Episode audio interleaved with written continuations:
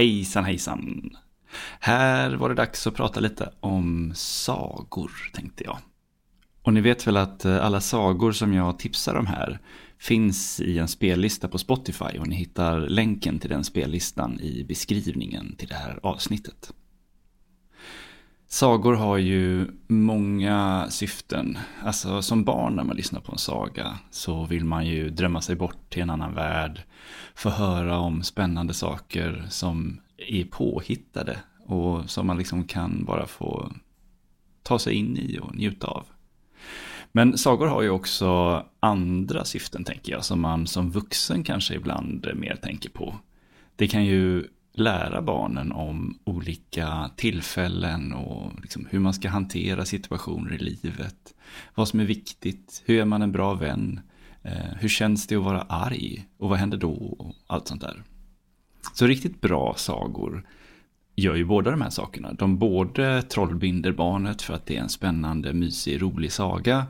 Men det finns också kanske någonting där bakom som ändå också ger barnet en, en lärdom eller någon slags eh, livserfarenhet fast de själva inte har utsatts för den här situationen. Men de har hört en saga om det.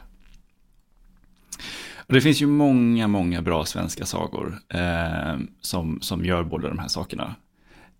En av mina favoritkaraktärer är ju Alfons Åberg.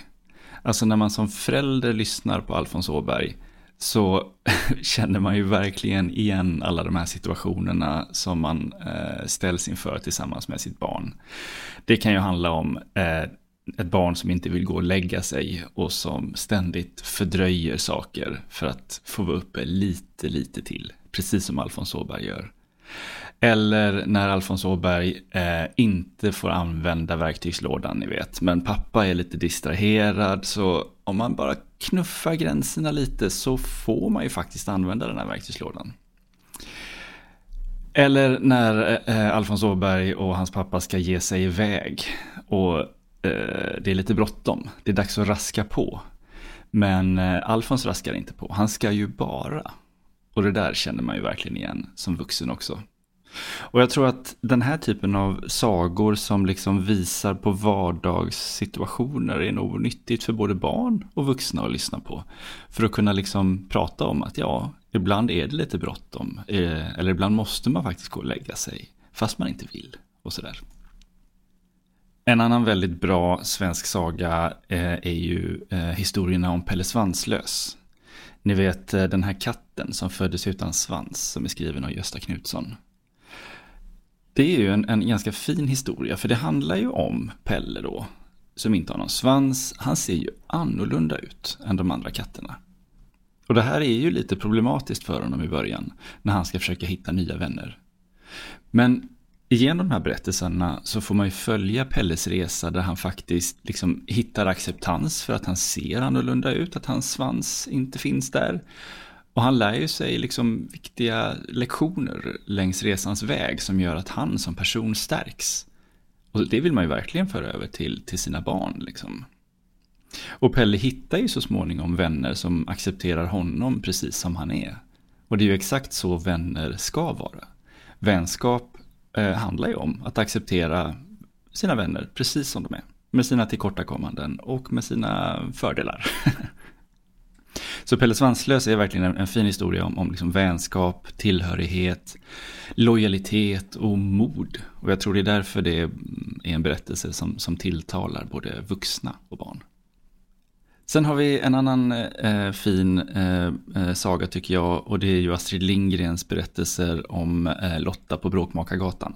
Ni vet den här energiska, busiga tjejen som eh, gör alla möjliga äventyr.